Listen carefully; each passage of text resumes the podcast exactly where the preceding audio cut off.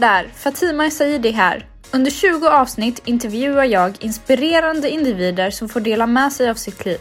Bakom kulisserna finner ni även Bianca Thorén som preppat oss med alla intervjufrågor. Fortsätt lyssna och låt oss tillsammans ta reda på 20 råd innan 20.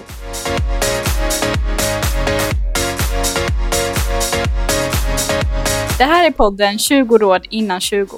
Mitt namn är Fatima Esaidi och med mig idag har jag Aladdin El Khalil. Är det så man säger? El Khalil. El Khalil. Hej Aladdin. Hej. Hur mår du? Jag mår bra. Hur mår du själv? Jag mår jättebra. Kul att ha dig här. Kul att vara här. Aladdin, Yes. hur var du som ung?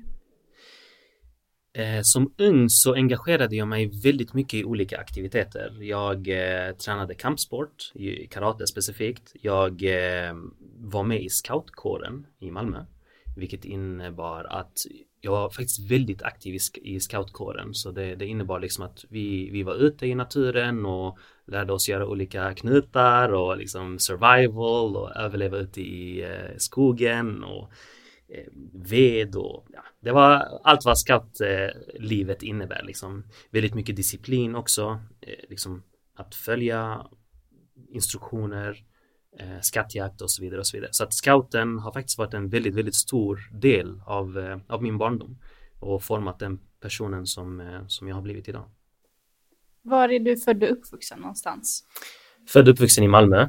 Ehm, Jag flyttade till Helsingborg när jag var 19, 20 kanske, så att det är en, det är 8-9 år sedan kanske nu som jag flyttade till Helsingborg och det gjorde jag eh, på grund av att jag studerade på Campus Helsingborg eh, på LTH.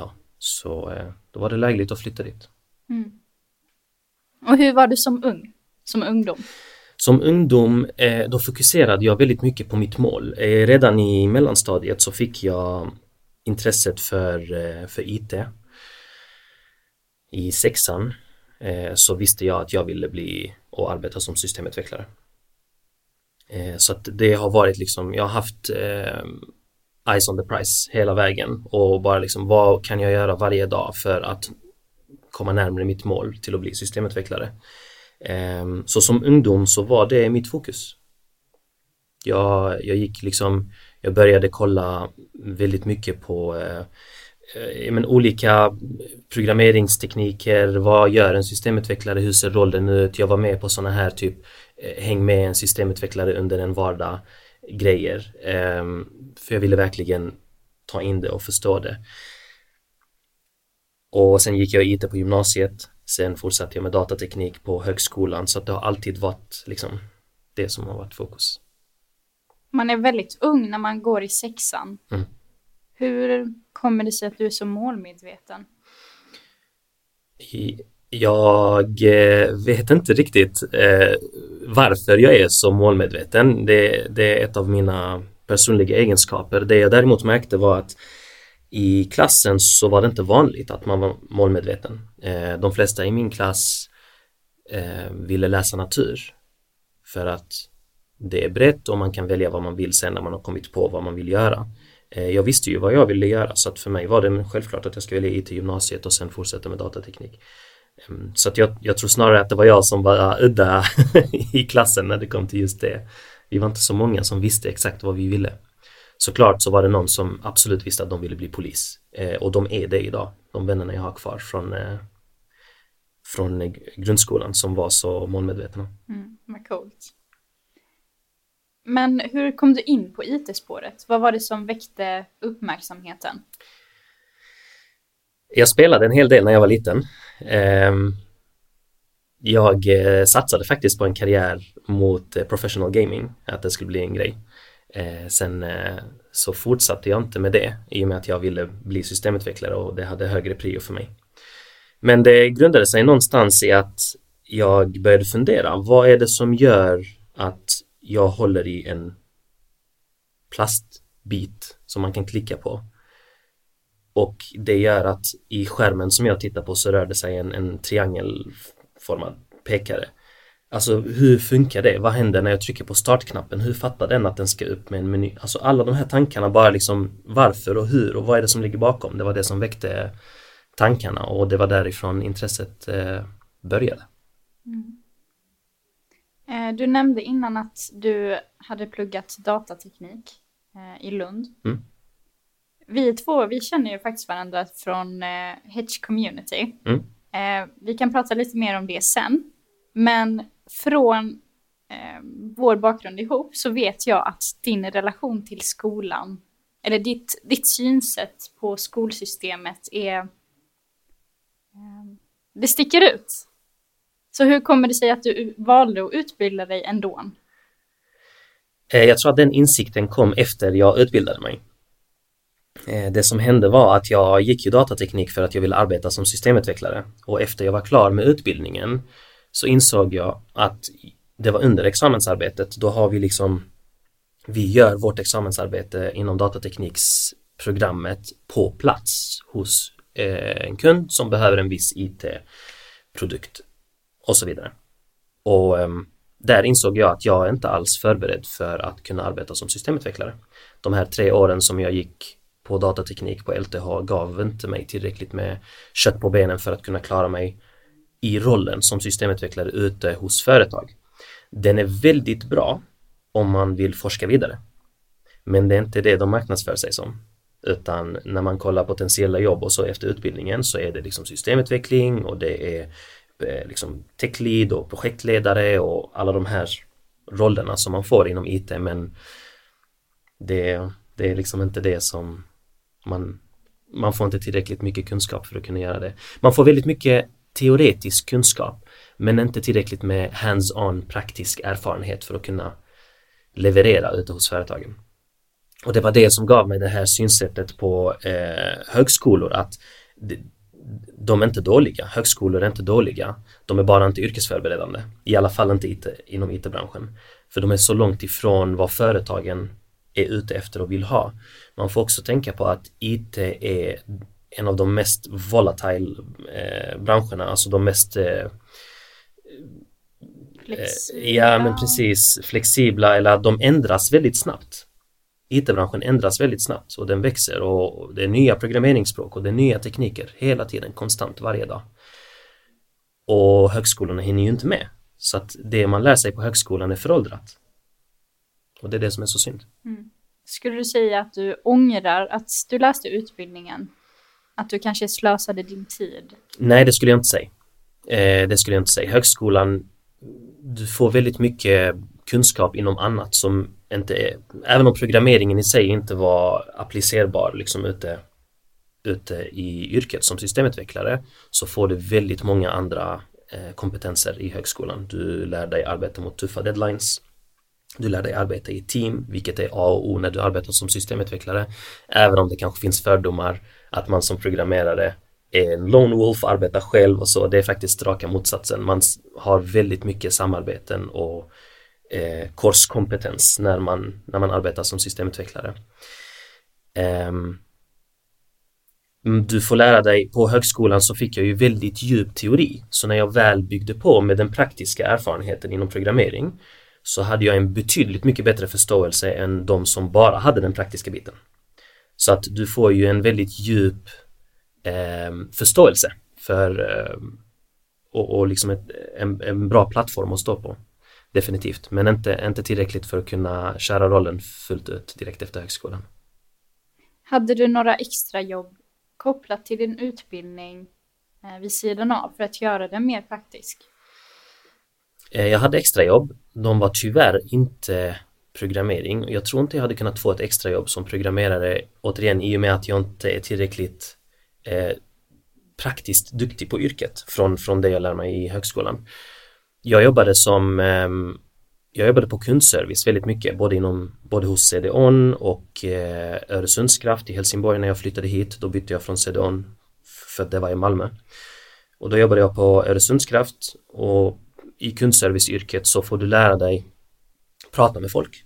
Du får en helt annan expertis i att hjälpa människor på rätt sätt eller på sättet som de vill bli hjälpta på. Och det var någonting som eh, jag verkligen utvecklade mig som person.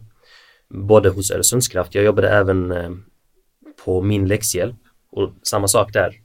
När du går till en elev och ska hjälpa dem med deras läxor så måste du förklara det på ett sätt som de förstår. Och då finns det inte liksom one size fits all utan man måste lära sig förstå människan som man pratar med och anpassa sin kommunikation till mottagaren. Och den, den skillen och kompetensen är ovärderlig.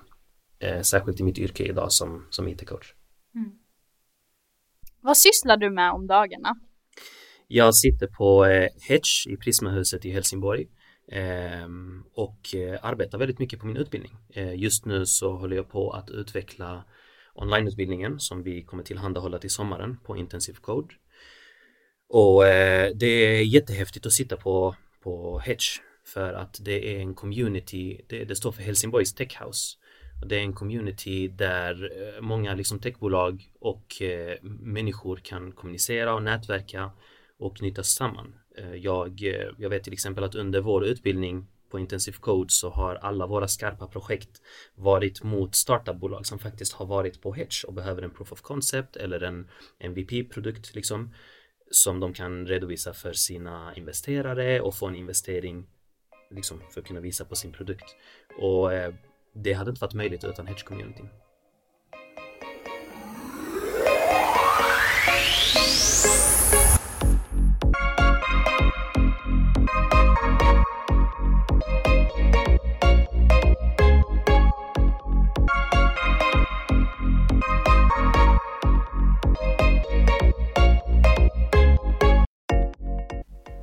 Vill du förklara begreppet IT och te tech? Vad innebär det?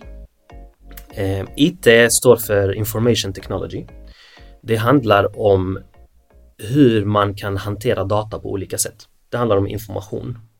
Så begreppet IT handlar om när du liksom går in på eh, Facebook så har du, du har ditt namn, det är en datapunkt, det är din information. Du har en bild, du har en adress, du har telefonnummer, dina kontakter, vad du gillar, vad du inte gillar och så vidare och så vidare. Och med hjälp av den här teknologin, alltså informationsteknologin, så kan till exempel Facebook anpassa din, din reklam så du ser rätt reklam, samma sak med Google och så vidare och så vidare. Så IT handlar om information technology, det vill säga hur du läser in och eh, använder data så att du kan anpassa den till mottagaren. Eh, tech är ett väldigt brett, liksom, om man ska bara ta tech, liksom, det finns väldigt många delbranscher inom tech och technology. Eh, men technology kan vara både hårdvara och mjukvara. Alltså det kan vara både en produkt, som till exempel om du går in på medtech, alltså medicinsk teknologi, då pratar man väldigt mycket om till exempel pacemakers, de här små apparaterna som man installerar på hjärtat som hjälper dig att pumpa när hjärtat är svagt. Eh, så att det är en teknologi. Eh, man kan också prata om medtech i form av inhalatorer. För mig till exempel som har astma så är Bricanyl faktiskt utvecklats på Lunds universitet. Eh, inhalatorer för astmatiker. Och det är också medicinsk teknologi. Så hur, hur man definierar tech? Jag skulle säga att det är eh, utveckling i olika branscher, i olika saker och ting. Det blir teknologin att teknologin utvecklas, eh, kunskapen utvecklas, forskningsområden vidgas och så vidare. Så det, det är technology för mig. Mm. Bra svar. Eh, om vi går tillbaka lite till studietiden eh, på LTH. Sista året när du skulle skriva examen. Eh, jag har fått uppfattningen av att det var ett väldigt hektiskt år. Vill du berätta lite vad, vad du hade i ditt liv? Sista året på högskolan, ja det var ett väldigt hektiskt år. Eh, det var året då jag påbörjade mitt examensarbete eh, och det var första gången som jag skulle eh, put my skills to practice, det jag har lärt mig på högskolan. Eh, det var det året som jag kom till insikt eh, med att jag inte är tillräckligt duktig och bara det var eh, en chock eller ett litet trauma att shit, jag måste göra någonting för att kunna jobba som systemutvecklare och jag trodde de här tre åren skulle göra just det, förbereda mig för just det. Så att jag, det blev ett litet, det blev ett litet eh, trauma att man liksom inte var redo och att det skapade en viss rädsla i att jag måste bli klar nu liksom. Och jag tror att det är många som upplever det. Att eh, efter, efter skolan, ah shit jag hinner inte skaffa jobb eller jag kan inte skaffa jobb eller jag är för ny, nyexad och jag tror den rädslan är det många som upplever. Jag trodde inte jag skulle uppleva den inom tech. Eh, det som mer hände det året var att jag eh, fick mitt första barn. Så att eh, min pojke föddes i januari fyra dagar innan mitt examensarbete skulle börja. Jag minns, jag minns fortfarande att han föddes på en torsdag och jag skulle börja på exjobbet på måndag. Så eh, jag fick inte mina tio pappadagar utan jag fick fyra och sen skulle jag börja. Så det var väldigt hektiskt och det var väldigt roligt. Det var ett av de finaste stunderna i mitt liv. Eh, vad mer hände det året? Jag kom in på Academy-programmet. För efter praktiken så insåg jag ju att jag inte hade tillräckligt med kunskap och eh, det var svårt att få jobb som systemutvecklare, nyexad systemutvecklare. Och då ville jag bygga på med praktisk kunskap och då hittade jag den här utbildningen uppe i Stockholm, en intensivutbildning där man fokuserar väldigt mycket på det praktiska, vilket var perfekt för mig för att jag hade jättemycket teori och jag behövde förverkliga den teorin på något sätt och put it to practice. Och det var precis det jag lärde mig på den utbildningen. Ehm, så att jag, jag lyckades maximera min potential på den utbildningen just eftersom den var i Stockholm. Och jag har ingen i Stockholm. Ingen familj, ingen liksom, fru och barn var kvar hemma i Helsingborg. Bara det var tufft, liksom att vara ifrån, ehm, min pojke var då typ fyra månader när jag åkte och då skulle jag vara iväg i tre månader i Stockholm. Ehm, så, så att det var ganska tufft det också. Men jag var helt själv i Stockholm i tre månader vilket gjorde att jag hade inget annat att fokusera på förutom just utbildningen. Så att jag körde ju inte åtta timmar, jag körde 16. Och samtidigt så var jag ju klar med mitt examensarbete, det praktiska på plats, men jag hade fortfarande examensrapporten att skriva. Så att i, samtidigt som jag gick den här intensivutbildningen uppe i Stockholm så skrev jag min examensrapport. Eh, så det var en väldigt, väldigt hektisk period, ett väldigt hektiskt år, men det kanske var det mest produktiva året i mitt liv. Mm. Hur lyckades du balansera ihop allting? Träning. Träningen hjälpte mig jättemycket. Eh, när jag gick upp på morgonen en, två timmar innan jag skulle till studier, alltså till kontoret där vi hade våra studier och eh, tränade. Och det gav mig energi liksom för resten av dagen. Det, det är ett jättestarkt tips till många. Träna på morgonen innan, innan dagen börjar. Mm. Har du några andra verktyg för att hantera stress? Eh, alltså, min fru har ju spelat en väldigt stor roll i det. Eh, hon är jätteduktig på att hantera min stress. Stackaren. Nej men eh, jag får väldigt mycket, jag får väldigt mycket stöd alltså av henne. Ibland kommer jag hem och jag bara, jag har så mycket att göra.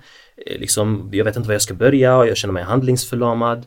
Och, och, ibland så liksom tar hon bara in och lyssnar och är en duktig lyssnare och, och liksom förstår och liksom mentalt stöd och andra gånger så får jag konkreta tips som, ja men vad sägs om att vi sätter oss ner och gör en checklista så kan du börja beta av den imorgon. Eh, så att definitivt, min fru har varit det största stödet eh, när det kommer till, till just det. Mm. Hur gammal var du när du skaffade ditt första barn? Jag var 20. Det är väldigt tungt.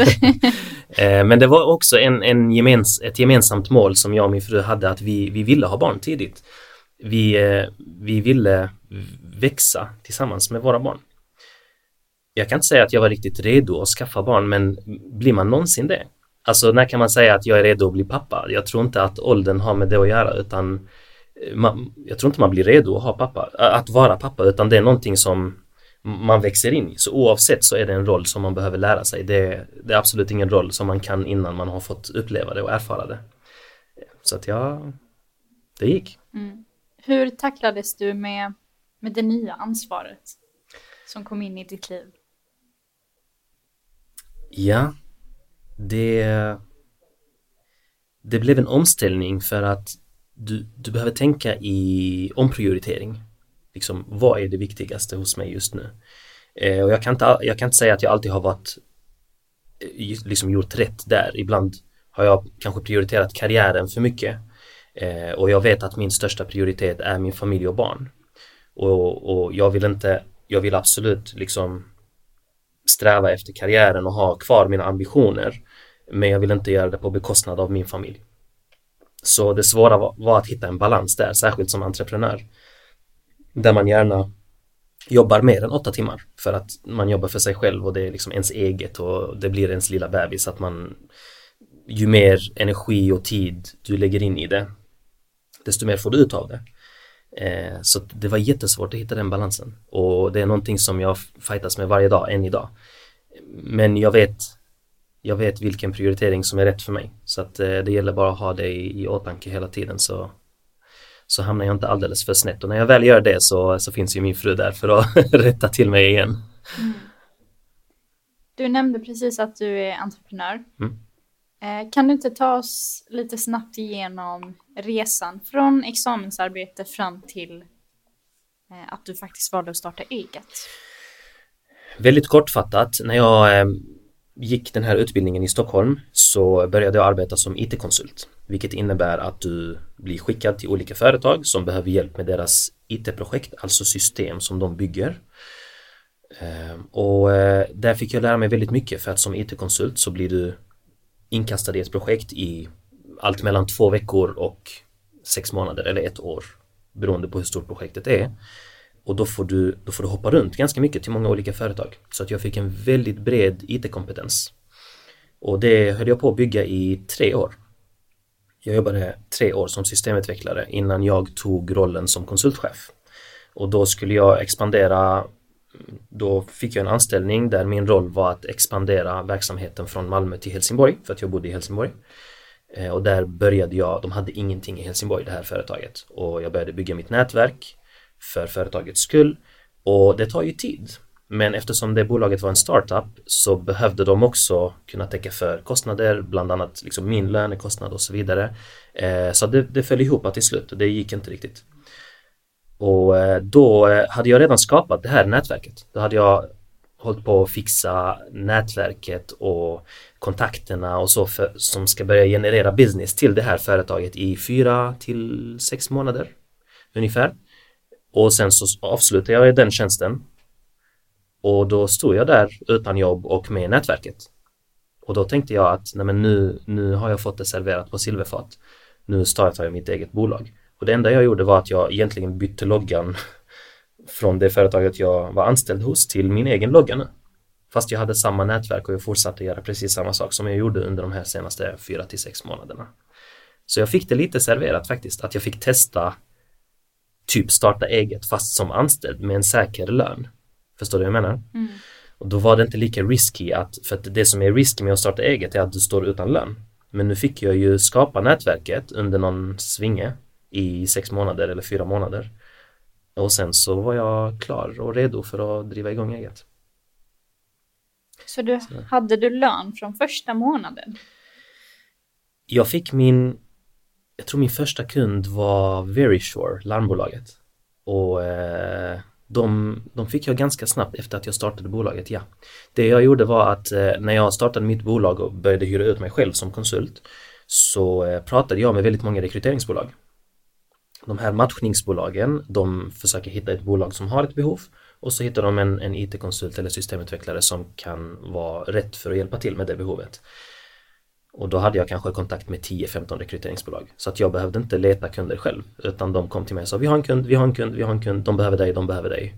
Och sen så fick man egentligen välja vilken kund man ville jobba för. Så att eh, den biten med att skaffa jobb har aldrig varit svår. Och de tar ju en andel för det såklart men för mig var det värt det att slippa stressen och huvudvärken och, och ge dem liksom 15% av det jag tjänar eh, för att de har kopplat ihop mig med en kund. Mm. Men det var värt det för mig. Hur marknadsför man sitt företag?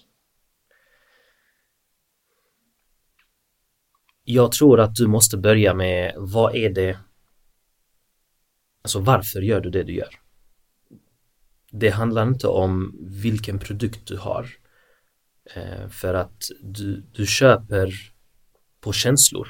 Du köper ofta, alltså om du har en känsla, en stark känsla av att du vill köpa någonting men du har ingen rational eller du har ingen liksom, eh, vad ska man säga, du har ingen konkret så här Syfte. Eh, Precis, du har ingen konkret syfte för att du vill köpa den här produkten. Då med hjälp av dina känslor och emotioner så rättfärdigar du alltså syftet.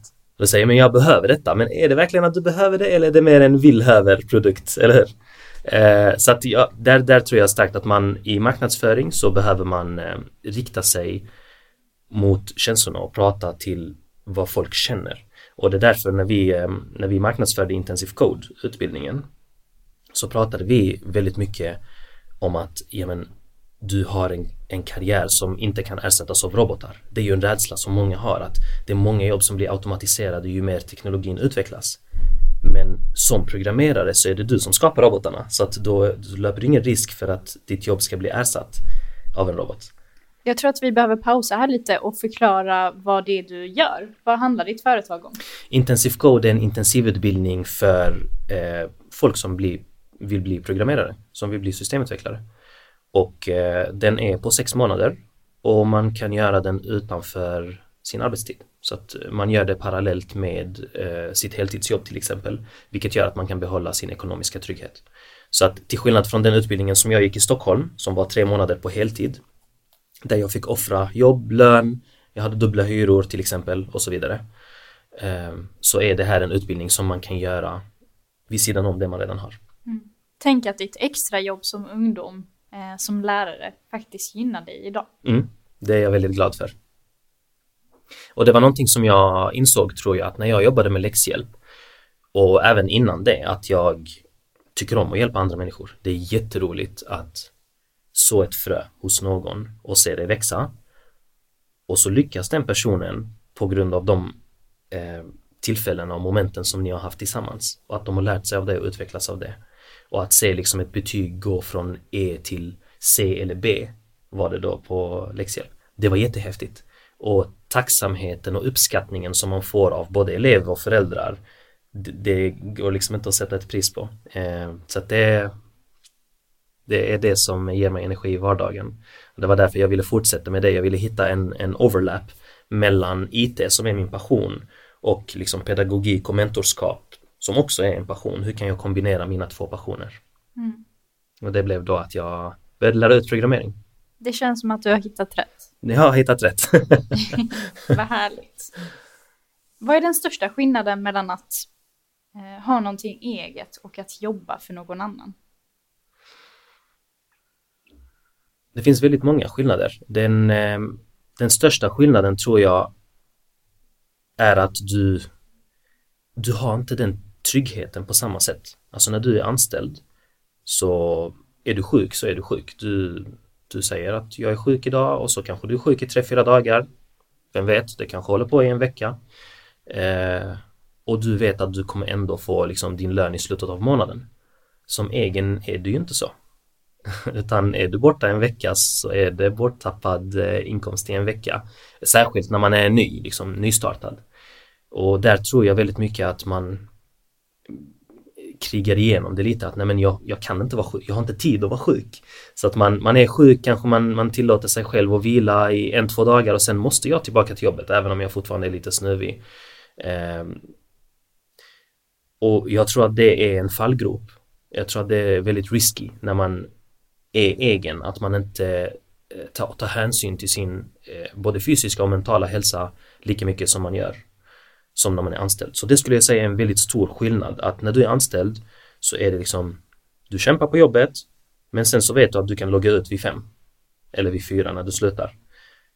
Så är det inte riktigt när man är egenföretagare utan när du har loggat ut så kommer du hem och på kvällen måste du logga in igen för att typ göra en checklista till morgondagen eh, för att du ska veta vad du ska göra imorgon. Det finns ingen chef som säger till dig vad du ska göra imorgon, du är din egen chef. Mm. Det är nog den största skillnaden skulle jag säga. Vilka egenskaper har du utvecklat eh, genom åren eh, kopplat till intensive code exempelvis? Kommunikation. Den största, den största kompetensen inom liksom pedagogik och att kunna lära ut. Nu är det programmering i mitt fall och programmering är ett svårt ämne. Så att dels att kunna lära ut och kommunicera på mottagarens villkor men också att kunna göra det med ett komplext ämne. Så om, om jag ska prata om en egenskap eller en kompetens som jag har utvecklat under tiden jag har haft intensiv code så är det kommunikation. Det, det är, är liksom skillen eller kompetensen att kunna förklara någonting komplext eller ta någonting som är komplext och göra det väldigt lätt att förstå. För man får ändå tänka på att de som går intensiv code, de har aldrig sett en kod i sitt liv. De är helt gröna på programmering. Så när de kommer till mig, då måste jag göra det här komplexa ämnet väldigt lätt att förstå. För att de är så pass nya på det så att de måste liksom baby steps så att de kan komma in i det. Och det tycker jag är väldigt roligt men det är framförallt det jag har lärt mig under, under min resa. Mm. Och det är någonting som jag jobbar på att utveckla varje dag. Det är det jag vill bli bäst på. Jag vill bli bäst på att kommunicera programmering. Det, det är det som är fokuset på intensiv code. Och effekten av det blir att eleverna i och med att de har fått en så tydlig kommunikation om vad de ska lära sig inom programmering så blir de även jätteduktiga programmerare efter just min utbildning. Och det, det är det som jag satsar på. Mm.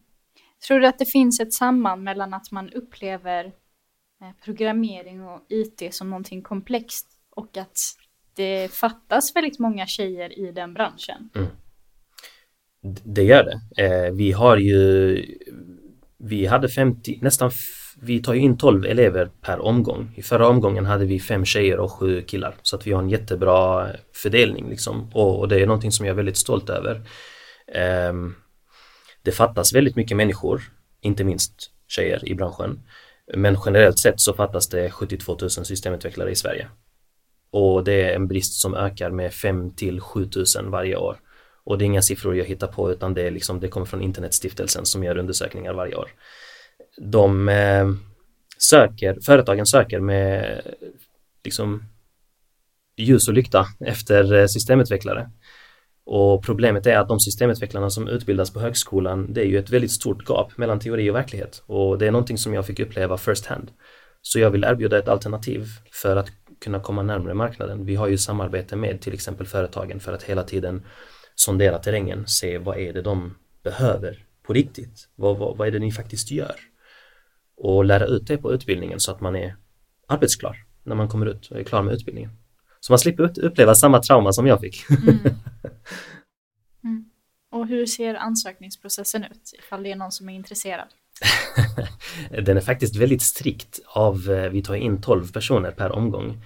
Eh, men eh, vi har över 200 ansökningar så att det är en väldigt strikt antagningsprocess. Man, den, är, den är intervjubaserad så att vi följer inte liksom gymnasiebetyg eller högskolebetyg alls. Utan eh, den är intervjubaserad. Man får göra ett eh, en introduktionskurs inom programmering för att se om man överhuvudtaget är kompatibel eller om man tycker om det eller inte tycker om det. Eh, för att jag, jag vill gärna att den som kommer in i utbildningen känner sig trygg i sitt beslut. Det, här, det här är någonting som jag faktiskt vill göra. Och att man vet det innan man committar sig till utbildningen så man inte kommer halvvägs och bara, ah, men det här var ingenting för mig. Så det är någonting som vi fokuserar väldigt mycket på, att de som kommer in till utbildningen, de vet vad de vill och de vill detta. Eh, sen eh, nu i år så kommer vi släppa en onlineutbildning eh, och då har vi möjlighet att ta in fler än 12.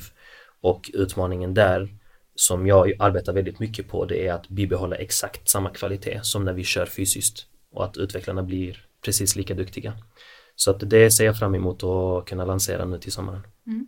Det ska bli kul att följa. Mm. Har du något sista råd som du vill ge till eh, ungdomarna där ute? var inte rädd för att göra misstag. Jag skulle säga mitt största tips är börja innan du är redo. För att du, du kommer aldrig bli, du kommer aldrig riktigt bli redo. Du kommer alltid hitta någonting som fattas, som du tror fattas för att du ska kunna dra igång. Och det gäller ditt företagande, det gäller generellt dina liksom, mål i livet. Eh, ja, liksom många, många brukar vänta på eh, till exempel nyår eller nyårslöftet för att kunna börja träna. Men vad gör dig mer redo den första januari jämfört med 19 september liksom? Så att börja innan du är redo, det är mitt största tips. Mm. Tack så mycket Aladdin. Tack så jättemycket.